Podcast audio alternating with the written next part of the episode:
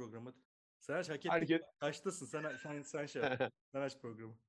Herkese merhaba. Raskas'ın 39. bölümüne hoş geldiniz. Bu bölüm böyle bir sivrilik yapalım dedik. Okaycığım lütfetti. Daimi moderatörümüz, büyük uzman, yüksek kaliteli, verimli yorumlarıyla F1 Türkiye camiasına katkıları yatsınamaz. Gerçek bir duayen Okay. Karacan diyecek. Yemin bekledim. Sonunda bunu bekliyordum zaten. Yani beni söyleseydin çok büyük itiraz edecektim de.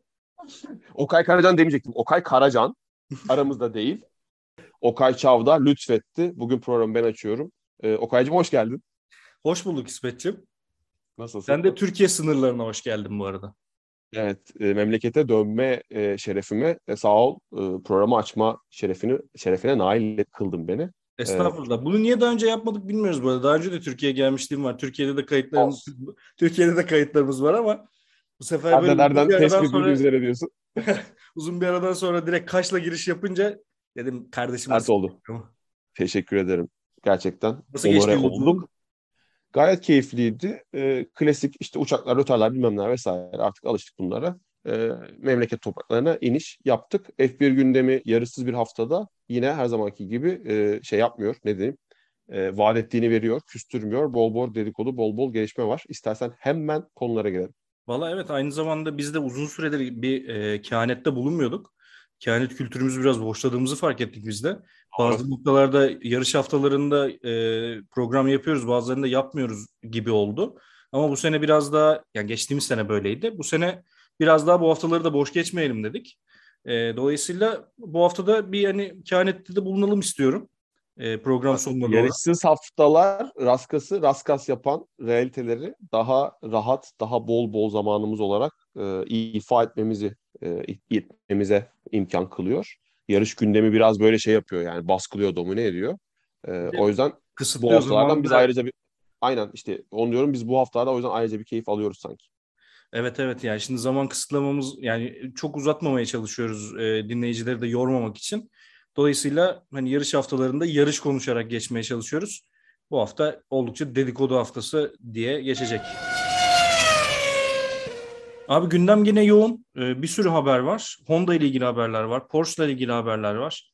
E, eski durmadan konuşan Formula 1 pilotlarıyla ilgili haberler var. Biz bu işe girerken dedik ki hani artık elimiz ayağımız gitmiyor. E, çenemize vurdu. Konuşarak halledeceğiz bazı şeyleri. Formula 1'deki birçok yaşlı isim de aynı düsturla devam ediyor. Bunlardan bir tanesi her hafta andığımız, anmadan geçemeyeceğimiz Helmut Marko. Bir tanesi Gerhard Berger, bir tanesi David Coulthard. Onlar da artık e, bu kervana dahil oldular. Nico Rosberg yaşlı değil zaten ama- saymıyorsun sanırım. Evet, Diyecektim yani ki. ya- yaşlı yaşlı değil ama o da şey onun da çenesine vurmuş vaziyette falan böyle. Stand- Gerhard- ya standart setter ya o direkt yani o şey yani bu camianın bayrak taşıyıcısı. Ya evet ama çok ilginç bir durum var burada. Yani bir e, şeye sallama durumları var. İçerideki kim olursa olsun yani Bravo çok en iyi ya da en kötüden bağımsız. Yani içeride bir şey olursa anında beyaz futbola çeviriyorlar mevzuyu yani. Abi çok net e, bir şekilde e, olayın içinden uzaklaşmış olmak mı diyelim. Yani onu çok özlüyorlar slash kıskanıyorlar. Yılların ilgisini hani kaybettikleri için biraz belki bunun yoksunluğunu çekiyorlar diyebiliriz. Bence de şu, şu da var bu arada. Sosyal medyanın geldiği nokta itibariyle bu kadar meşhur olamamak da belki rahatsız ediyor olabilir onları bilmiyorum yani. Ya doğru da doğru tabii onların Ya bu zaman farklı. konuşuluyor olmak yani Nico Rosberg o zaman bir sene şampiyon olduktan sonra bırakmasaymış keşke. Yani bunu da kendisine bir eleştiri olarak gönderelim buradan yani. David Coulthard'ın şeyi var açıklaması şu porpoising sorunu olan araçlarda yarışan pilotlar sağlığından endişe duyuyorsa Formula 1'den ayrılmalı. Yani bu öyle bir şey değil ki yani her sorunda her sakatlandığında dönüp arkana gidemezsin ki. Bir de bu araçların daha ne ya daha iyiye nasıl gidebiliri konuşuyorsak bu başka bir şey. E, sağlıkla ilgili bir problem varsa bu başka bir şey. Yani senin zamanında böyle bir problem yoktu. Böyle bir şey yaşamadın. E, o zaman senin de kaza riskin vardı. Sen de bıraksaydın.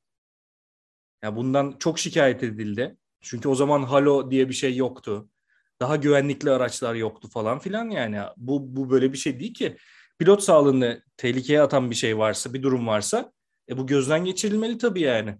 Burada direkt bu arada hani Kendisi bir e, adalı İskoç. Dolayısıyla en çok şikayet eden Mercedes, en çok şikayet eden Hamilton yaşı itibarıyla. Yani bilmiyorum direkt oraya giden bir eleştiri gibi geldi bana. Sene 1996 ya da 7.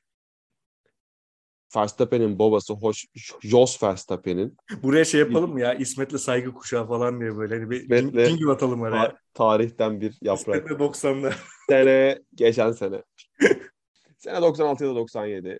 Verstappen'in babası bir pit stopta benzin pompası yani benzin pompası aracın benzin pompası değil. Araca yakıt enjekte eden pompanın ayrılırken kesilmemesi üzerine aracın üzerine o, o kadar sıcak aracın üzerine e, yakıt sıçradı. Ve oradaki statik elektriklenme, yüzeydeki statik elektriklenme alev aldı. Jos Verstappen yanarak Allah korusun ölebilirdi. Bütün crew ölebilirdi. Böyle bir şey yaşandı. Bu yaşandıktan sonraki olaylar F1 camiasında konuşurken zamanın çaylı David Coulthard'ın bir açıklaması var. Der ki bu güvenlik önlemleri bunlar yaşandığı sürece biz e, rodeo'da mı ne denir ona? Ma- rodeo değil başka bir şey kullanmıştı. Şey ee, anladım matador gibi. Dövüş, matador. Boğa güreşi. Ya, are, arenadaki boğalar, arenadaki güreşçilerden bir farkımız olmuyor. Ölümümüzü kimse umursamıyor. Biz burada sadece marketing mi denir yani pazarlama ürünleri olarak bulunuyoruz. Bizim sağlığımız, önce, e, hayatımızın, güvenliğimizin önceliğine kimse önem vermiyor diye bir serzenişte bulunmuştu. Ey David Coulthard. diyerek başka da hiçbir şey söylemiyorum. Okay, ben şeye çok ikna oldum. Okay. Daha fazla durmayacağım yani. Hiçbir açıklamanın gizli ajandası gündemi olmadan yapılmadığını artık neredeyse ikna oldum. Yani taraftarlık yapmadan kendi amaçlarına, gayelerine hizmet etmeden kimse salt, salt. Bununla ilgili en çok eleştiriyi Mercedes alıyor. Çoğu zaman da haklı. Ama bunu bir açık olarak görüp yüklenen Red Bull'cu da aradan yavrum yazık çok strateji beceremeyen genç yetenek Ferrari'çilerde, tifosilerde. bir şey kez ya senin en sevdiğin takım yöneticisi hep unutuyorum adını. Gaz şeyin Alfa Alfa Tauri'nin yöneticisi. Frans Tost.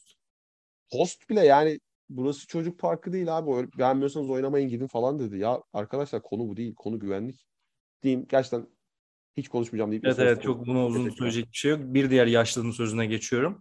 Gerard Berger'e göre de Fernando Alonso günümüzde Ferrari ya da Red Bull için yarışsaydı %100 şampiyon olurdu.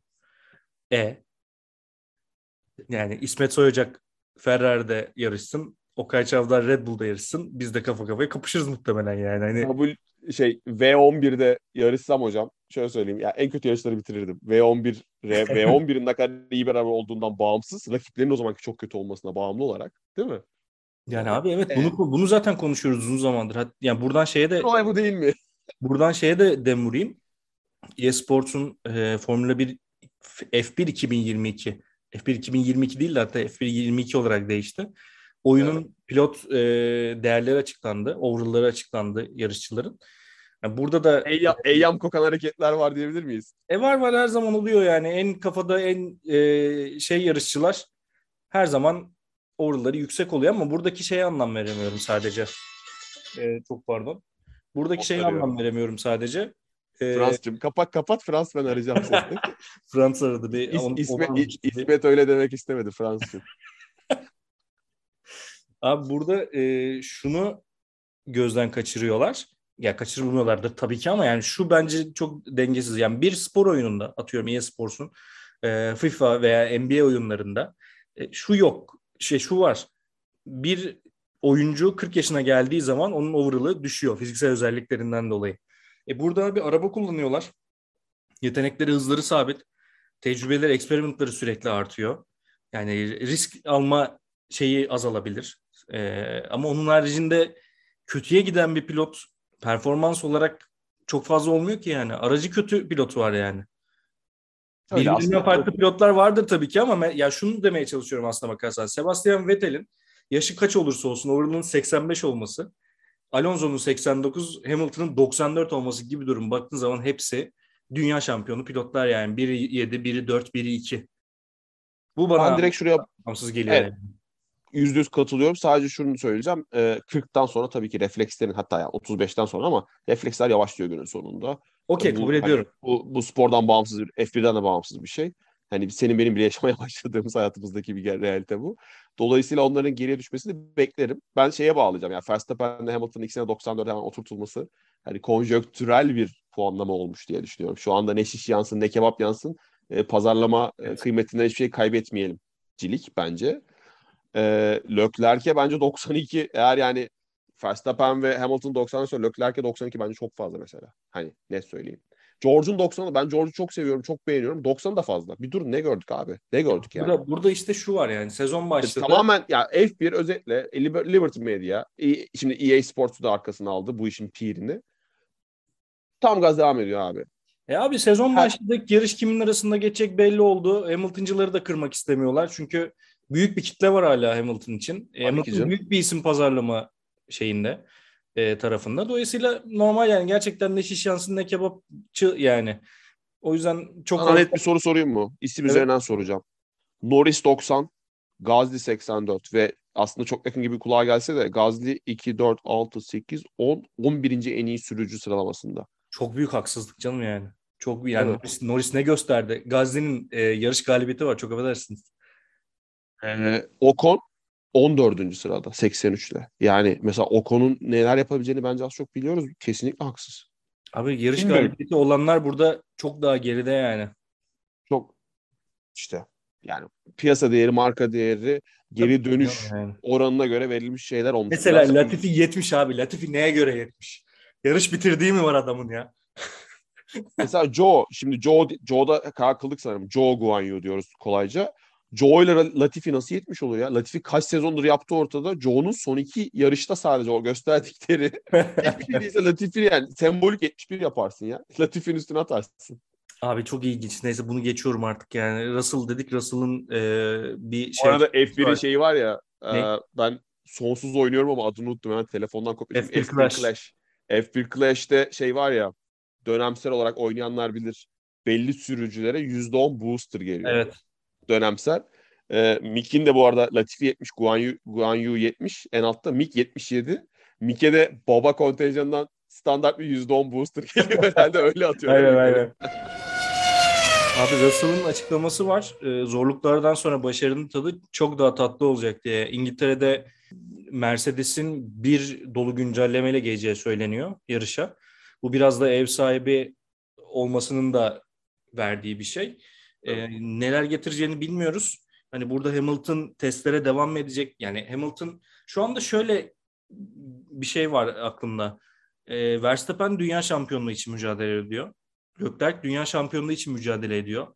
Russell Hamilton'a üstünlük kurmak için mücadele ediyor. Perez Verstappen'e üstünlük kurmak, şampiyon olmak için. Sainz keza öyle. Hani oralarda olmak için. için evet. Ama Hamilton'ın şu anda mesela aracı geliştirmekten başka bir amacı yok gibi gözüküyor ya. Var. Var. Bence yani bence onun açısından en önemlisi. Söyleyeyim mi ne olduğunu? Biz daha ölmedik.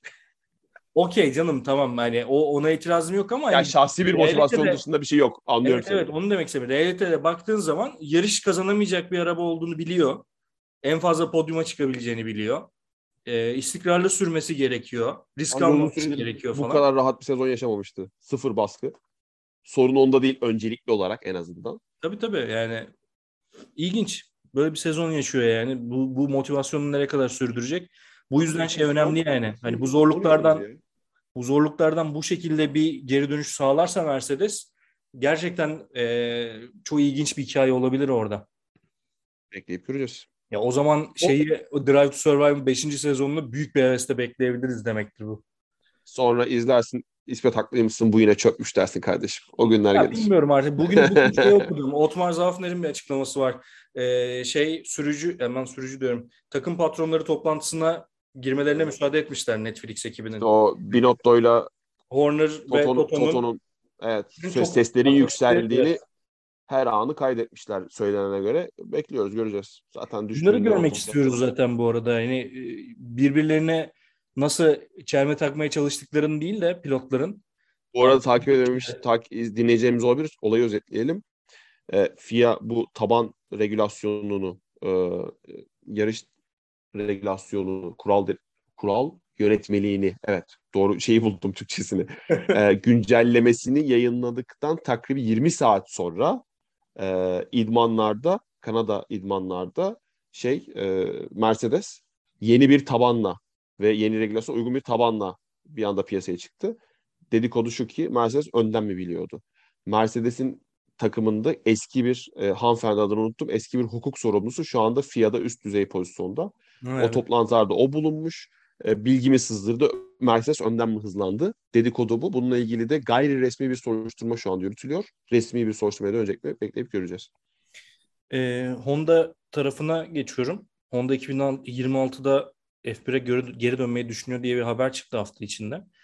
Red Bull'la anlaşmayı bitirdiler ama Alfa Tauri ile ortaklık kurabileceği ya da takımı direkt satın alabileceği söyleniyor. E, Honda'nın Red Bull tarafından çıkış sağlamasının bir sebebi bu olabilir mi bilmiyorum. Honda çünkü yarışların her e, kategorisinde olan bir ekip. Yani motor yarışlarında da var, rally yarışlarında da var. Formula 1'de uzun süre var oldu, eskiden de vardı. E, dolayısıyla hani burada olmamak pazarlama açısından kötü bir imaj olacağı için belki tekrar buraya geri dönüş istiyor olabilirler. Hazır Red Bull'da kendi powertrainlerini yapmaya başlamışken, böyle bir karar almışken bu ilginç bir karar olabilir. Burada ilginç bir şey görebiliriz ya. Ben şey şaşırıyorum. Honda, Japon kültürü yani bunlar yüzyıllık plan strateji planlaması yapan firmalar. Çok ilginç bir Japon kültürü var biliyorsun abi. Honda da onların başında geliyor. Honda bir sene ya biz tamam burası bizim için çok masraf oldu çıkıyoruz deyip bir sene sonra ya ya biz dönüyoruz diyecek bir kültür değil. Dolayısıyla burada bir strateji vardır mutlaka uzun vadeli. Evet. Zamanla ee, ne değişti? Evet, ne değişti ne değişiyor ya da değişti mi gerçekten? Asıl yani hani şey bir not için master blend diye şeyler dönüyor yani master blend nedir? Honda özelinde onu bekleyip göreceğiz. Belki Red Bull deal'ı çok masraflıydı. Daha ucuz bir yöntemle e, kendilerinin geliştireceği bir fonksiyonla tekrar dönecekler. Bekleyip göreceğiz. Olabilir bence de. Bir, taraftan da e, şey var. Red Bull tarafında yine Gazli ile alakalı bir durum vardı. E, Gazli'nin 2023'te de Alfa Tauri ile yarışacağını açıkladılar. Bunun üstüne yani o tarafta 2024 sezonun öncesi çok ilginç bir hale gelebilir. Yani büyük pilot değişiklikleri yaşanabilir gene o tarafta. Çünkü e, yine içeriden bazı kaynaklara göre e, Aston Martin'de de Lawrence Stroll bir iş adamı olduğu için e, bazı şeylere bir yere kadar tahmin edebilecek evladı da olsa e, ve Stroll'ü takımdan gönderebileceği konuşuluyor. Daha evet. ya ilerleyen dönemde istediği, istenilen sonuçlar alınmadığı takdirde. Bu da çok ilginç olabilir yani. Yani böyle bir şey Dalsın. Yani çok gördük yani. Kendilerinde de öyle gerçi de oğluna takım alıp hadi sen de burada oyna diyen takım patronu çok gördüğümüz için bu karar ilginç geldi. Ha, olması gereken bir karar mı? Evet. Bunu, bu, olabilir. uygulanırsa bir görelim önce. Ama uygulanırsa ilk olabilir F1 tarihi bir bakmamız gerekiyor eminim. Ee, milyoner çocuğu olup direksiyon oturup sonra baba patron işin başında devam ederken e, mücadeleye işten kovulan oğlan görmedik diye hatırlıyorum. Bir bakmamız lazım. Ama Aston Martin'de kazanın kaynadığını konuşmuştuk bir iki program önce. Hala orada sular durulmuyor aslında. Hala keyifler yerinde değil. Sadece şu anda Silverstone... bir araçları yok. Evet. Tam oraya bağlayacaktım. Silverstone aslında Mercedes kadar belki daha fazla Aston Martin'in e, home base'i. Tabii, tabii. Aston Martin fabrikası e, bilenler bilir Silverstone'da ve gerçekten Aston Martin'in yani binaları Silverstone kampüsünün içerisinde. Dolayısıyla direkt e, Silver, e, Team Silverstone hatta ünvanları. O derece onların evi ve oraya özel senin de az önce söylediğin gerekçelerle ciddi bir upgrade getiriyorlar. Mercedes'ten daha yüklü bir dönüşüm yapacaklar takımlarında, araçlarında daha doğrusu. Ee, onun sonuçlarına göre bir tekrar konuşalım. Oradan beklenen alınmazsa çok dramatik, drastik kararlar çıkabilir. Şimdi sana sözü bırakmadan evvel bir, bir de şey var burada Red Bull tarafındaki karışıklardan karışıklık değil de yani bu çok net alınmış bir karar. Ee, bir Twitch yayınında ırkçı söylemlerde bulunan Red Bull Akademi Formula 2 pilotu Yuri Vips'in Red Bull'la ilişiği kesildi ve e, gelecekte Formula 1'de olması beklenen pilotlardan bir tanesiydi Yuri Vips. Kendi elleriyle bayağı kariyerini şu anda bitirdi. Çok üzücü. De Vries, geçen daha konuştuk. Van Dorn, e, bu isimlerle yan yana anıyorduk. Kesin geleceğini düşünüyorduk. Ee, çok üzücü oldu. Yani talihsiz. Hemen de sonra resmi olarak açıklamasında bulundu. İşte ortamın heyecanıyla vesairesiyle böyle bir söylemde bulundum diye çirkin bir e, burada anmayalım.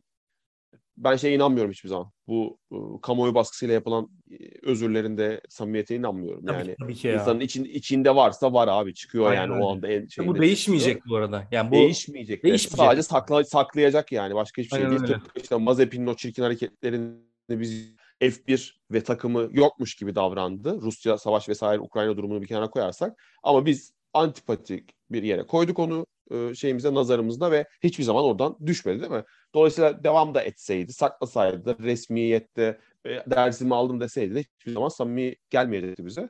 E, ilk oldu yeteneğine ve yıllarına kalan devamında kariyerine başarılar diliyoruz. Ne diyelim? artık nerede devam edecekse kariyerim. Çok zor bu arada yani. Tekrar onu başka bir kategoride görmek de çok zor. Yani tabii, takım tabii. için onu tekrar bir yerde takıma almak biz ırkçılığı kabul ediyoruz, hoş görebiliriz demek gibi bir şey oluyor bir yerde yani. Tekrar nasıl olacak bilmiyorum ya. Çok ilginç yani bu. Hep konuştuğumuz paranın ağır bastığı bir denklem olursa olur. Ya Yani tabii, Suudi Arabistan'da Yem- Yemen'den füzeler atılırken yarış devam etti abi. Biz bunu tabii, yaşadık. tabii de hani bu Neler kadar gördük. güçlü bu kadar güçlü mü bilmiyoruz. Estonyalı bir adam ve hani var mı o kadar güçlü bir lobisi bilmiyorum. Ne yapabilir? Porsche haberi var. Mali İşler Müdürü bir açıklama yaptı Porsche'da. Formula 1 gridinde sadece güçlü bir ortak ile çalışıyor. Ağaçlar bayramdan önce yatacak falan. Mali işler. Ee, sadece güçlü bir takımla ortaklık yapı- yapabileceklerini söylediler. Burada da yine en güçlü adaylardan bir tanesi griddeki Red Bull gibi gözüküyor. Ee, yani öyle bu, bu tabii dedikodusu çıktığı için söylüyorum bunu hani. O dedikoduyu şeye bağlıyorsun farkındayım. Ee, Aston Martin'e çok bağlıyorlar İngiliz medyasında. Evet evet. Yani orada bir istek var. Orada da biraz bir yılgınlık var. E, O yüzden çok kritik o iki konu birbirine bağlı paralel. Yani Aston Martin bu son pakette de olmazsa içeride ciddi bir temizlik yapıp belki öyle ciddi bir partnerlikle yeni sezona girebilir. Bir de Aston Martin çok büyük yatırımı var abi. O yani şey Boşa temeller gitmesini istemeyecektir. temeller atıldı, yeni şey kampüsler yapılacak falan filan böyle bir orada içeride baya büyük bir iş var da yani e, o Porsche sporda görmek istiyor muyuz? Evet isteriz tabii ki ama bilmiyorum çok ilginç olacak gibi gözüküyor. Sana sözü bırakıyorum. Formula 1 yönetiminin 2030'da net sıfır karbon hedefini gerçekleştirmek için 2026 sezonundan itibaren Formula 1'de %100 sürdürülebilir yakıt kullanılacağını duyurdu. Bu bir Bunu biraz, çekme. bunu biraz bilmeyenlere, bizlere biraz açıklar mısın? Estağfurullah abi Sadece ama elimden elimden evet özet geçmem gerekecek. Ee, Okay'ın bunu demesinin nedeni sevgili dinleyicilerimiz. Ben bu konuda biraz master yapıyorum şu anda. Hatta aynı konuda e, tez yazıyorum. Madencilik sektörü üzerine. Net zero, e, net sıfır karbon uygulamalar üzerine. Şurayı bile uzattık yapılıyor. gerçekten ya. Abi back- background vermek önemli. Ee, hedef 2030'du ama aslında orijinalinde açıklanan plan 2030 itibariyle e, %100 sürdürülebilir yakıt. Sürdürülebilir yakıt dediğimiz işte biyo kaynaklardan e, elde edilen olabildiğince çoğunlukla tarım e, atıklarından işte fosforca e, evet şu anda fark ettim Okay haklısın çok detaya girmek üzereydim ya. Hemen geri atıyorum. Tarım atıkları bazlı biyo yakıt dediğimiz yakıt bazlı laboratuvarda sentetik olarak üretilmiş bir yakıttan bahsediyoruz. 2030'du hedef kullanıma başlanması öne çekildi. 2026 itibariyle uygulanacak. Ee, 2030 itibariyle bunun sadece yakıtın kullanılması değil, bütün F1 ekosisteminin artık net zero. Yani ne demek bu? Ee, saldığı karbon, o bütün operasyonlarından saldığı karbon kadar karbon ne denir ona? Türkçesi emmek demeyeyim. E, atmosferden karbonu aldığı bir şekilde offset ettiği bir sisteme geçmiş olma hedefi var. Bu öne çekme çok önemli. Zaten F1 bunun üzerine çok çalışıyor. F1'in kabaca %60-70 e, karbon emisyonu e, aslında e, şeyden geliyor. E, transportation'dan yani lojistik Kargo, operasyonlarından kargo geliyor. operasyonu evet. Evet çünkü dünyanın her yerine gidiliyor geliniyor ve devasa o takımlar, o grid e, ekipmanları, işte pit ekipmanları, Bir şey ekiplerin kendileri. Hemen Tabii. çok kısa bölüp bir şey sormak istiyorum. Çok affedersin. Bu Estağfurullah. kadar e, bu sürdürülebilirlikle net zero projeleriyle falan filan uğraşılırken hala böyle yarış sayısını 30'a çıkarma gayretleri falan biraz tutarsızlık değil mi sence de? Ara çok Ömer. Yani ama peki bu da şey görünen yüzü hani biz böyle çok tatlıyız aslında çok tatlı insanlarız. Ee, yakıt şeyine sürdürülebilir Ya işte- yapacağız falan ama Ama, detaya girdin, ama detaya girdin. Yarış. detaya girdin deyince kızıyorsun abi.